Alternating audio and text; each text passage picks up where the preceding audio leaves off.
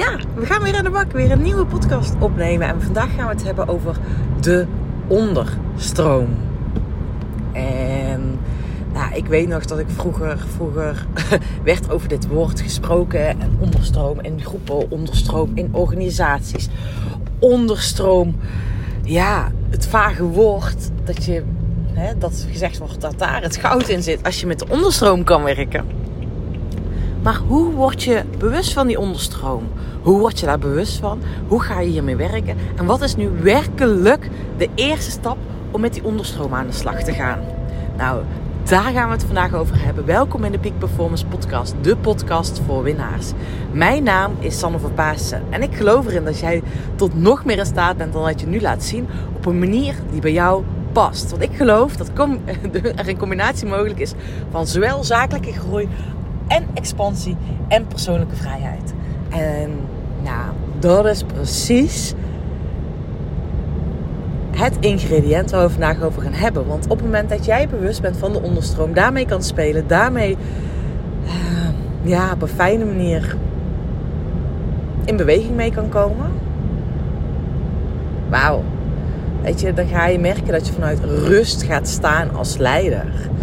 Dat je vanuit uh, hè, ja, ik zie leiders voor me. Managers, directeuren, eigenaren. Zie ik voor me dat zij leiders zijn. Dat ze vanuit rust hun bedrijf leiden. En dat ze vanuit... Nou ja, als het echt hectiek om hem heen is. Dat het chaos is. Als het, ik wil bijna zeggen, als het oorlog om hen heen is. Blijven staan en vanuit die rust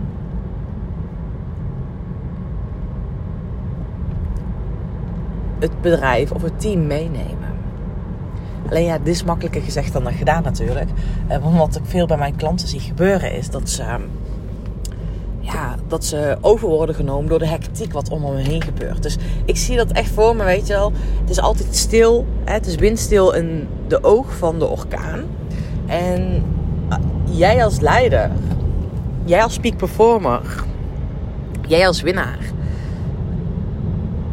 staat rustig, windstil in het oog van die orkaan. Dus wat er ook gebeurt in je leven, dat je die rust kan vinden. En ja, weet je jongens, we zijn allemaal mensen. Ik weet meteen wat je nu denkt. Ja, dat gaat toch helemaal niet, Sanne? We zijn toch mens? Uh, hoe kan dat nou? Oké, nee, daar heb je helemaal gelijk in. We zijn allemaal mens. Dus dat je in ieder geval altijd zo snel mogelijk weer terug kan keren naar het oog van die storm. Uh, waar het dus windstil is. En dat is het stukje waar ik uh, het in deze podcast over wil hebben hoe je dat kan doen en wat, waarom de onderstroom en daar bewust van worden een essentieel onderdeel is. Dus um, let's go. Oh. Even terug. Um, waarom ik dit zo'n belangrijk onderwerp vind, heb je misschien al wel gehoord. De Peak Performance Games zijn uh, gestart. Dat is het uh, opleidings-ontwikkeltraject voor leiders in het bedrijfsleven.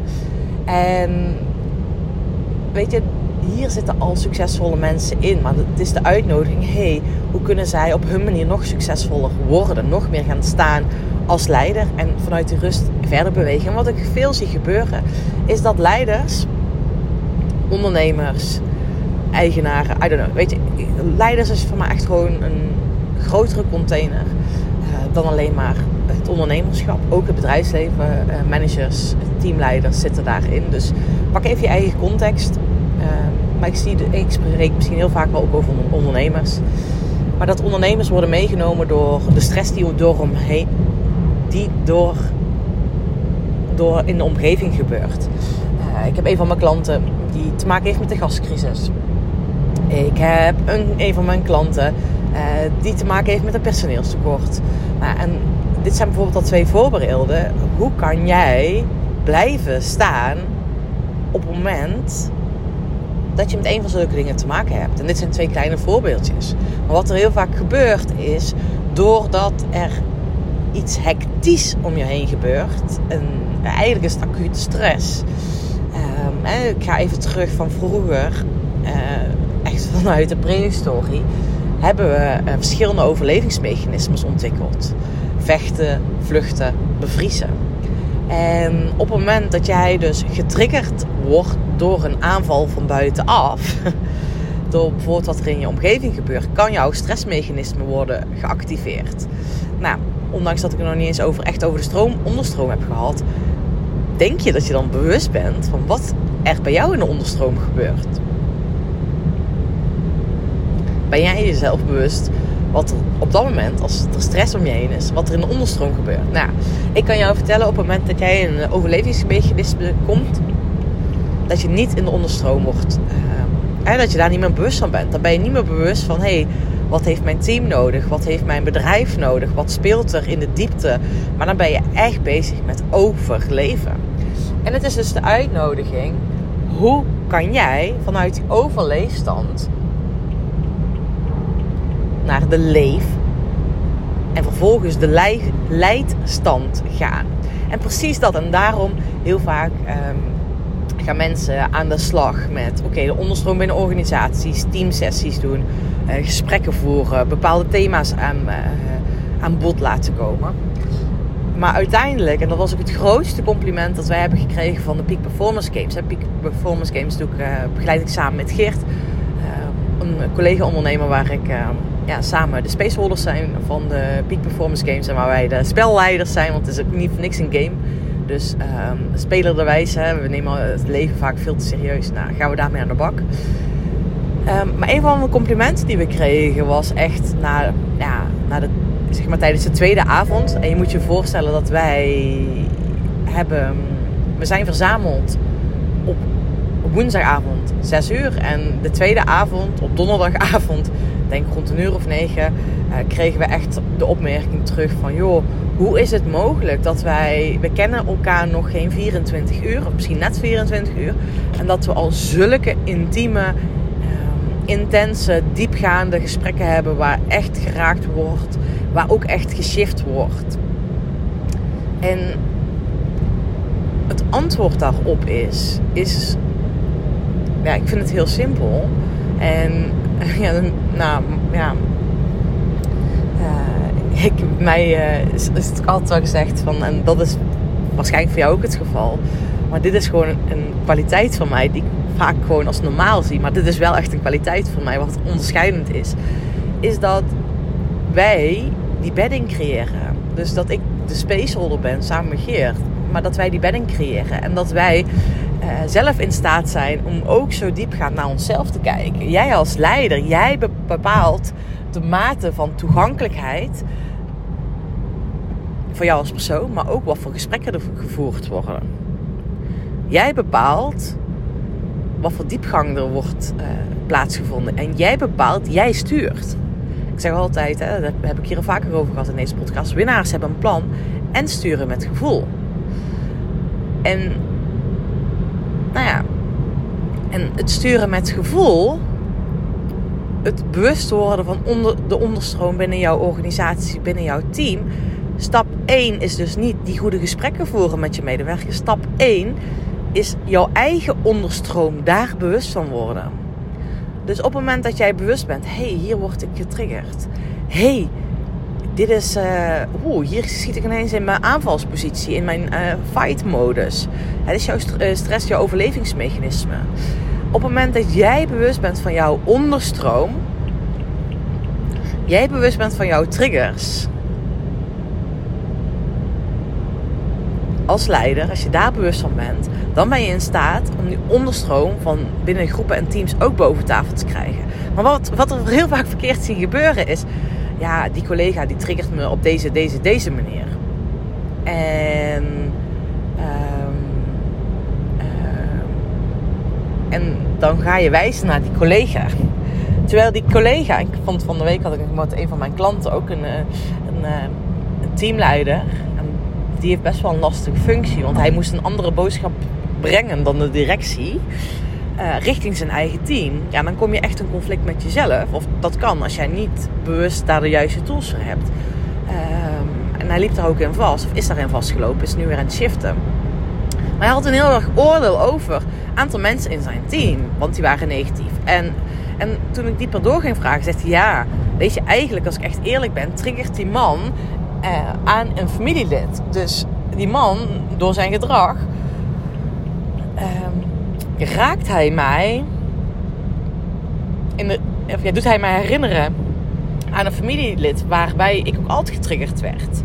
Dus uiteindelijk, wat er dus heel vaak onbewust gebeurt, en dit is echt op een diepere laag, en dit is dus echt op, op jouw eigen onderstroomlaag, is wat er onbewust dus vaak gebeurt, is dat iemand anders jou triggert.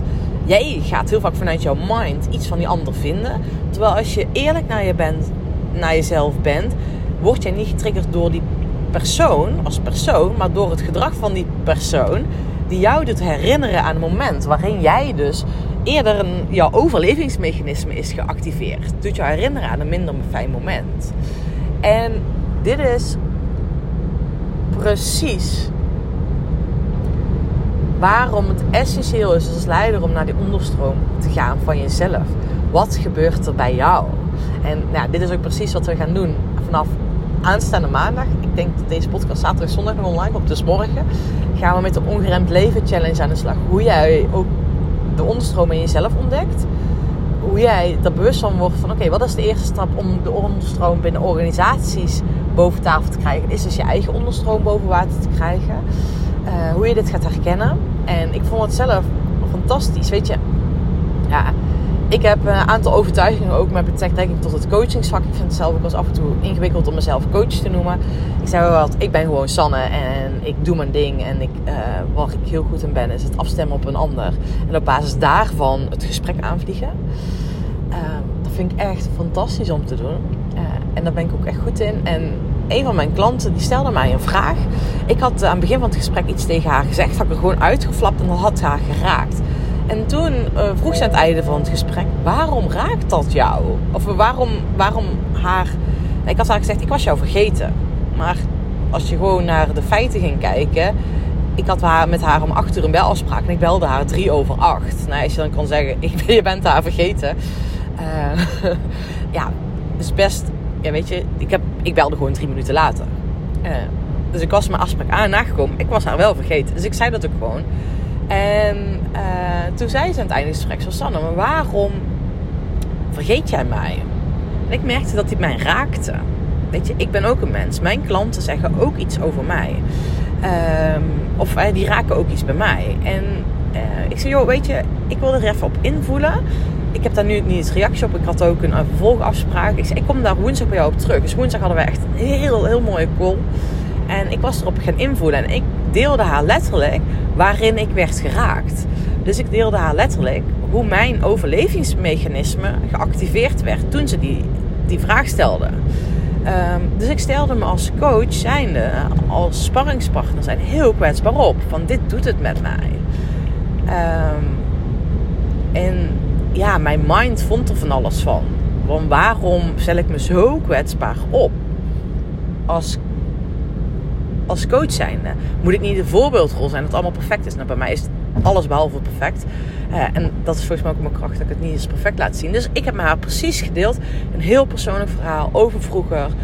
Um, in relatie tot mijn moeder. In relatie tot mijn overleden broer. Um, nou, wat er vroeger bij mij dus onbewust is getriggerd. En ik deelde haar dit verhaal. En het was zo bijzonder. Wat er toen dus gebeurde zei ze, Sanne, dat is bijzonder. Jij deelt een verhaal nu. Ik heb precies hetzelfde meegemaakt. Ja, niet precies hetzelfde, maar zij had een vergelijkbaar verhaal. Echt gewoon, ja, 80, 90 procent hetzelfde. En dat haar weer deed beseffen van, wow, oh, hier, hier zit ook bij mij, zeg maar, de angel waar mijn trigger vandaan kwam. En ik vind het dus zo mooi. Ik heb dus dit proces met haar gedeeld. Um, en ook, nou, we hebben het over onderstroom in groepen, maar twee personen is ook al een groep. Hè? Een gesprek van, oké, ik word schijnbaar door haar geraakt. Maar mijn mind vindt er van alles van. Want dat is op het moment dat je met de onderstroom gaat werken. Als je gaat bewust worden wat er bij jou in jouw lijf gebeurt. Hè. Sturen op gevoel is sturen jouw lichaam inzetten als jouw koerskapitein. Nou, daar, dat, dat is waar, waar ik altijd mee werk. Kijk, mijn mind vond er van alles van. Dit kan je toch niet bespreken, Sanne? Dit kan je toch niet benoemen? Hallo. En doordat ik het op tafel heb gelegd, doordat ik mijn mind aan de kant heb gezet, omdat ik voelde en alles, dit heb ik te vertellen, raakte ik haar nou brak ik bij haar iets open, waardoor zij beseft: oké, hier kom, hier, houd, dit is het punt van uh, mijn, uh, ja, van mijn overlevingsmechanisme. Zo reageer ik dan schijnbaar. Oké, en zo kan ik hem ook shiften. En uh, toen zei ze: Is het zo simpel, Sanne? Dat was een opmerking van haar. Ja, zo simpel is het. En dat vind ik het mooi op het moment dat jij jezelf toestaat om met deze onderstroom te spelen. En ja, weet je, op het moment dat je dus toestaat, want dat moesten ze bij de Peak Performance Games om lachen. Uh, want ik zei op een gegeven moment, op, jongens, op het moment dat je hier bewust van wordt, vraagt dit wel ballen van jou. Op het moment dat jij hier ja tegen zegt, dat jij dit dus wilt gaan doen, jezelf toestemming geeft om met die onderstroom te spelen, als jij je toestemming geeft om um, nou ja, jouw team naar een hoger niveau te tillen, vraagt dat iets van je. Vraagt dat van je dat jij jezelf echt, ja, ik ga het gewoon zeggen, fucking oncomfortabel gaat voelen. Dat je echt dingen moet gaan doen waar je denkt van, uh, jeetje, moet ik dit nu gaan zeggen? Uh, kan ik dat wel maken? Al die dingen, weet je wel, die, die ga je meemaken. Maar dat is wat erbij hoort op het moment dat je dus toestemming geeft om hier dus voluit voor te gaan. Het is dus af en toe echt enorm oncomfortabel. Je mind vindt er van alles van. En als je dan dat ene gevoel wat ik dus nu met deze klant meemaakte heb gedeeld. En ik ben ondertussen goed in geworden. In die zin dat ik heel snel schakel. Ik voel het eventjes en denk, oh ja, maar deel het gewoon boeiend. Wat heb ik te verliezen? En, um, en als ik dan ook weer het bewijs krijg dat, dat ik die klant precies zo raak als ik hem moet raken. denk ik, nou, dit is toch fantastisch. Nou, dat hoort zo te zijn. En dat is ook met groepen zo. Dat je dus in groepen dingen bespreekbaar maakt. Waar je ballen voor moet hebben. En um, ja, dat fucking oncomfortabel voelen. Dat zei ik dus zo bij de Peak Performance Games. Ze moesten allemaal lachen. Nee, ja, we slaat daar helemaal op. En, uh, en die avond hadden we echt een situatie. Nou ja, die situatie was echt mind-blowing. Echt, dat woord gebruik ik niet zo vaak.